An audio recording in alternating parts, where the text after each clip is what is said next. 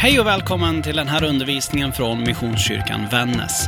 Vi hoppas att den ska hjälpa dig att ta nästa steg i din tro. Är du intresserad av mer från oss eller vill kontakta oss så hittar du allt det du behöver på www.missionskyrkanvannas.se eller på de vanligaste sociala plattformarna. Välkommen hem!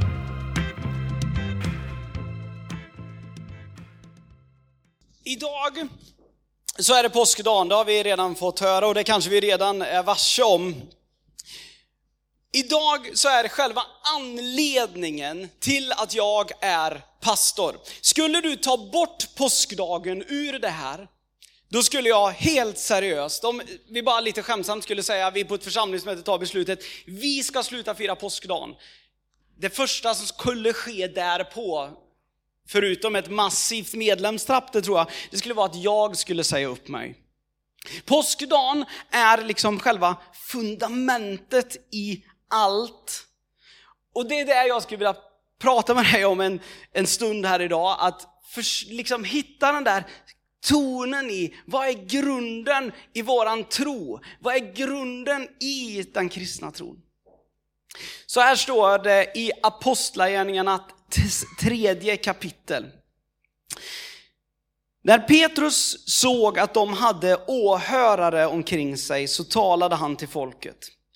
Israeliter, varför blir ni så förvånade över den här mannens helande? Varför stirrar ni på honom som om det vore våra förmågor och vår fromhet som botade honom? Nej vänner, det här är Abrahams, Isaks och Jakobs Gud, våra anfäders Gud, som har riktat strålkastaren mot sin son Jesus. Samme Jesus som Pilatus menade var oskyldig, men som ni ville, inte ville veta av. Ni förkastade den helige, den rättfärdige och krävde att istället att en mördare skulle bli benådad. Men ni hann bara nätt och jämt döda livets föregångare innan Gud uppväckte honom från de döda. Det är det som vi är vittnen till. Det var tilltron till Jesu namn som fick den här mannen, som ni alla känner igen, på fötter. Ja, tillit och inget annat än tillit botade honom och gjorde honom frisk inför era ögon. Lite kontext kanske. Petrus och Johannes, två av apostlarna, apostlarna, alltså de här lärjungarna som blev ledarna, den här ledarskaran för den här tidiga rörelsen av människor som trodde på Jesus. De var ute och gick och de gick in genom en port in i Jerusalem och där satt en man som har suttit där hela tiden. Eller ja, hela tiden har han givetvis inte suttit där, men han hade suttit där väldigt länge. Det var en människa som alldeles uppenbart när vi läser berättelserna är en människa som många känner igen. Det står att han satt och tiggde om sitt uppehälle och om du accepterar den typen av liknelse så kanske det är så att det är som den där människan som du har sett utanför ICA eller Konsum som du kanske börjar känna igen vid det här laget som tigger för sitt uppehälle. Som tigger för att få ihop sin tillvaro. Det var en människa som människor kände igen. Den här mannen, han var inte bara tiggare. Han var också lam. Han kunde inte röra sig, hans ben funkade inte. Och Petrus och Johannes kommer gående och han sitter och tigger och så säger de, vi har inte ett öre att ge dig, men det vi har att ge dig, det vill vi ge dig. Och så tog de hans hand och sa, i Jesu Kristus Nazareens namn, res dig upp. Och den här mannen reste sig. Och sen för att citera en gammal klassisk svensk chipsreklam så blev det ett hula baloo i templet. Den här mannen, givetvis överlycklig över att han var frisk igen. Han sprang runt, han levde om, han kramade om Petrus och Johannes. Han sprang runt och berättade vad han hade varit med om. Och plötsligt så var det liksom läge för Petrus och Johannes att berätta vad det är som har hänt. Och det är just det som jag läste precis. De började tala inför folket om vad det var som hände. Den där porten han satt till, det var inte vilken port som helst. Det var porten precis utanför templet. För att han gick raka vägen in, i, det var in i templet som han levde runt. Alltså den heliga platsen. För de här apostlarna, de här första kristna som gick runt och förkunnade, det här var troende judar innan. De trodde absolut på allt det liksom som finns här, liksom, alla de gamla heliga skrifterna. Men någonting hade förvandlat dem, någonting hade förändrat dem. Förvisso, de hade vandrat med Jesus i bortemot tre år. Men vi vet också, det många av oss som har läst det, vet att Petrus, som då talar här och som blev den första starka ledaren, han förnekade att han överhuvudtaget kände Jesus dagen före Jesus dog.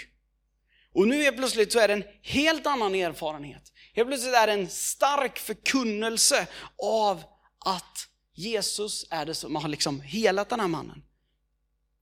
En sak kan vi konstatera, och det är någonting som har hänt med de här både männen och kvinnorna som var, gick där kring Kristus, den första, eller Jesus den första tiden och som blev den där första kyrkan. Och Vi kan peka ut två saker egentligen som har hänt. Det ena är att det har berättats om att de har fått den heliga ande utgjuten över sig. Det är det ena. Men det andra är också att uppståndelsen har skett. Jesus har dött men också uppstått igen. Lärjungarna har fått, och de här apostlarna har fått möta Jesus. De har fått se att han till och med äter. Det är liksom inte bara någon andeskepnad. Han äter och liksom maten försvinner. En av dem som, kanske, som vi många gånger tyvärr har kallat för tvivlaren, kanske gör det absolut rimligaste i världen. När han säger, jag kan inte tro på att det här är sant om inte jag får röra fysiskt i såren. Kanske lite makabert. Andra av oss kanske skulle säga, jag kan inte tro om jag inte får känna på honom. Men han ville ha bevis. Men en sak vet vi. En sak är uppenbarligen tydlig. Uppståndelsen är reell. Alltså verklig, på riktigt. Det är inte bara några som har sett spöken. De hade sett och tagit på honom. Hur kan vi mer veta då att han faktiskt är reell? Jag vet inte hur det är med dig, men jag vet i alla fall att om jag inte hade upplevt det här, om jag inte var 100% säker på att det här är sant, så hade inte jag valt att bli fängslad för det. För det var vad som hände i början. Det berättas till och med om en lärjunge som heter, eller en utav dem som heter Stefanus, som till och med valde att gå i döden. Han avrättades för att han inte slutade förkunna att Jesus har uppstått från de döda.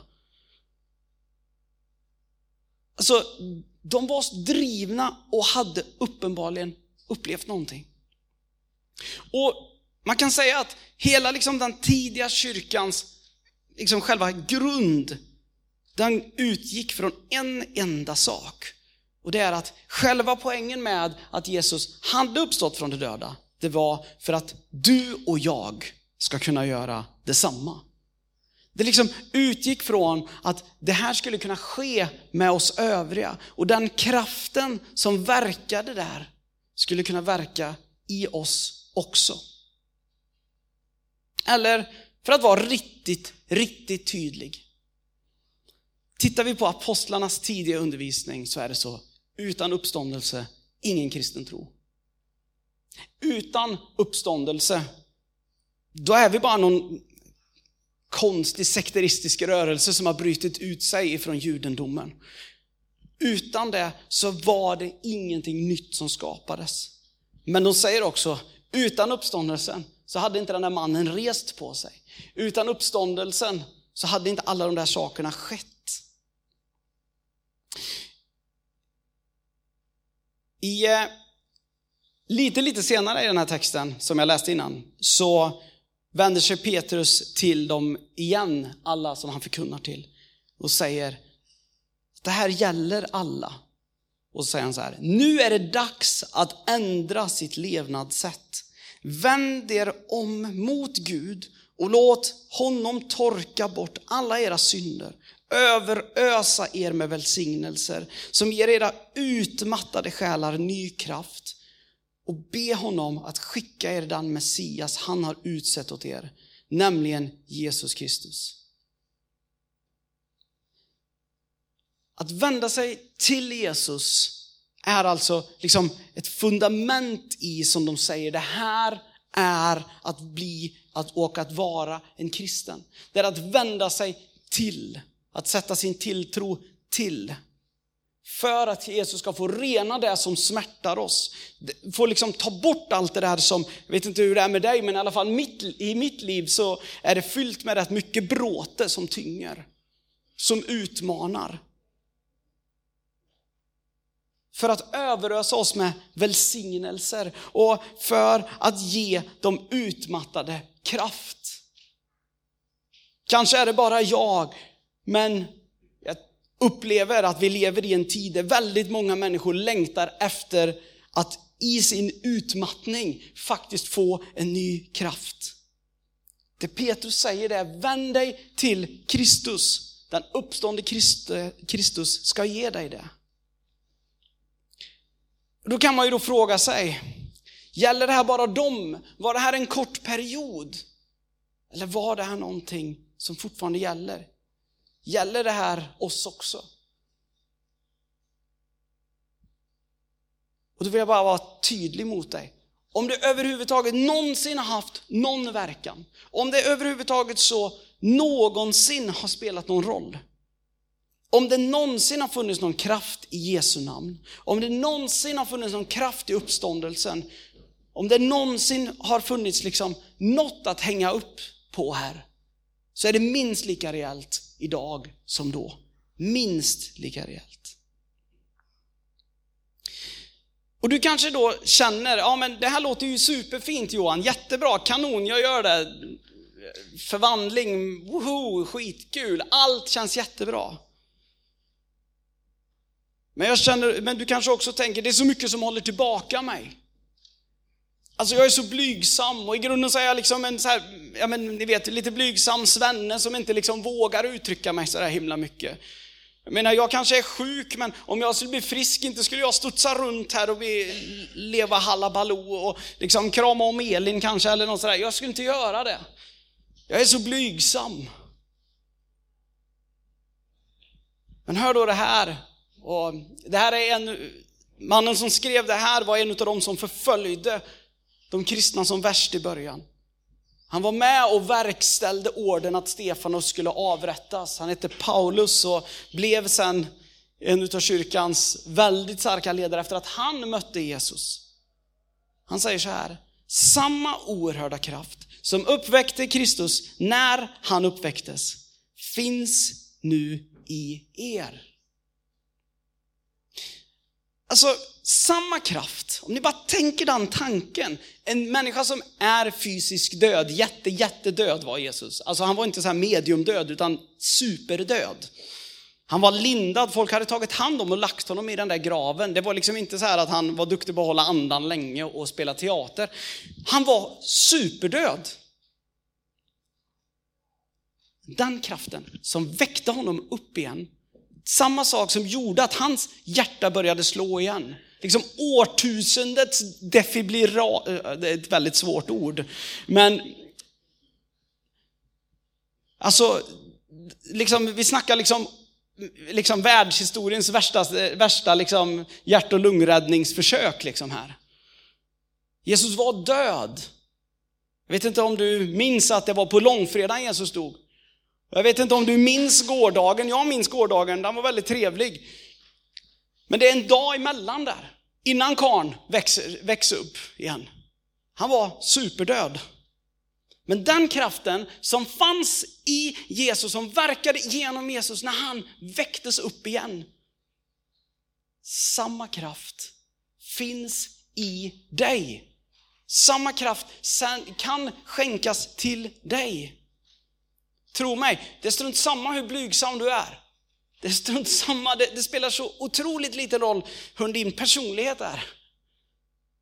Vi behöver inte ifrågasätta det liksom. För samma kraft som väckte en stendöd, allt annat än karismatisk liksom, död figur till liv. Samma kraft finns i dig.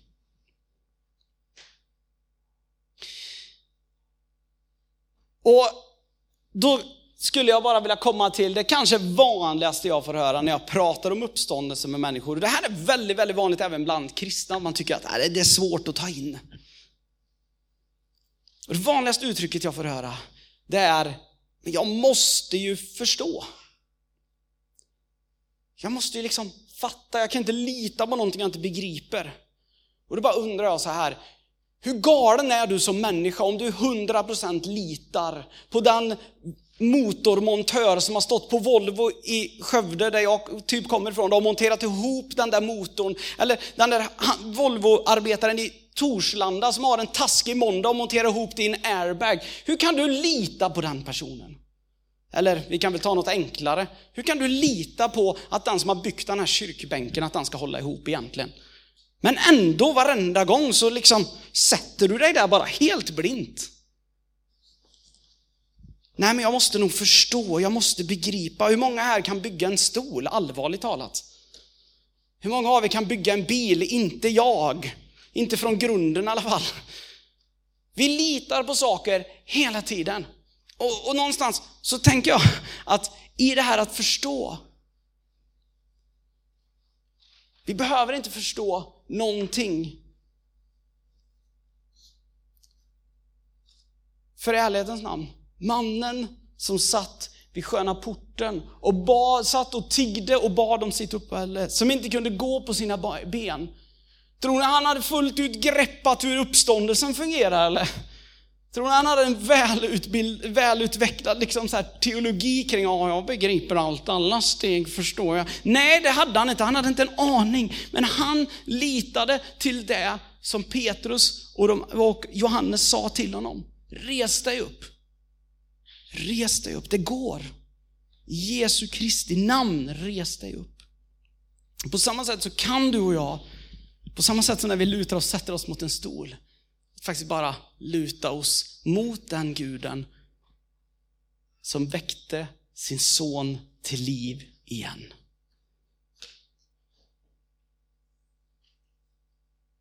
Ibland så pratar man om det här med att begripa tro och så vidare. Och, eh, jag har ju läst fyra år teologi, det är inte stenar och sånt utan det är Bibeln. Eh, men fyra år har jag läst och en teologiprofessor sa till mig en gång, han har en, eh, det är någon i hans släkt som har ett kraftigt eh, eh handikapp, liksom mentalt handikapp. Så han, eh, som han beskrev det, har inte en imponerande IQ-nivå. Eh, och sen så sa han, och så jämförde han också med sitt eh, lilla barnbarn som var ja, men, tre, fyra år vid stunden. Och så, han, och så sa han så här, jag har studerat teologi sedan jag var 20 år gammal. Nu är jag 62 år gammal och två saker är jag 100% säker på. Det är att det är barnet och den släktingen som har det här handikappet har lättare att begripa det här. Eller kanske lättare att lita på det. För jag försöker förstå och de litar. Och så sa han så här, grunden i den kristna tron, det är inte att begripa, det är att lita. Petrus, jag ska läsa hans ord en gång till. Det var tilltron till Jesu namn och hans uppståndelse som fick den där mannen, som ni alla känner igen, på fötter. Ja, tillit och inget annat än tillit botade honom och gjorde honom frisk inför era ögon. Det står ingenting om det var på grund av att han begrep.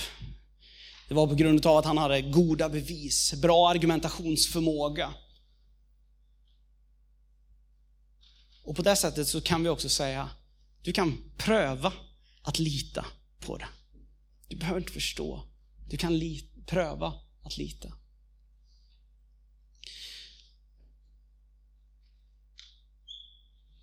Uppståndelsen, det är det som definierar allt det vad vi gör här. Jag hade väldigt, det hade varit väldigt enkelt att säga, eller vi kan väldigt enkelt säga det så här, ingen av oss hade suttit här om inte Jesus hade uppstått från de döda. Kyrkan hade inte funnits om Jesus inte hade uppstått från de döda. Jag hade inte valt att studera fyra år på en högskola, det kan jag lova er, om inte Kristus var uppstått från de döda. Elin hade garanterat inte läst fyra år till utöver de där typ 32 åren hon redan har studerat på, i svenskt universitetsväsende. Jag lovar er, inget av det hade hänt. Inget, och vi kan ta hur många exempel som helst bara i den här lokalen, att inget av det hade hänt om inte Jesus hade uppstått från de döda. På det så är det idag ungefär två miljarder människor som kallar sig kristna. Det är, vi firas påskdag över, över hela jorden idag. Inget av det hade hänt om inte Jesus hade från de döda. Jag skulle vilja lämna er med en fråga. Vad vill du ha mer för bevis egentligen? För i ärlighetens namn, när det kommer till den här punkten så har vi både bevis och förmåga att lita till. Hej, det här är pastor Johan. Så roligt att du lyssnat på den här podden ifrån oss. Jag hoppas att den har fått betyda något för dig. Och min bön, det är att det du fått lyssna till, att det faktiskt har gett dig praktiska verktyg för ditt liv framåt. Vill du veta mer om oss så spana gärna in vår hemsida. Där finns också fler poddar och undervisning. Har du lyssnat genom Spotify eller till exempel en poddapp så får du mer än gärna prenumerera på vår kanal. Gud välsigne din vecka.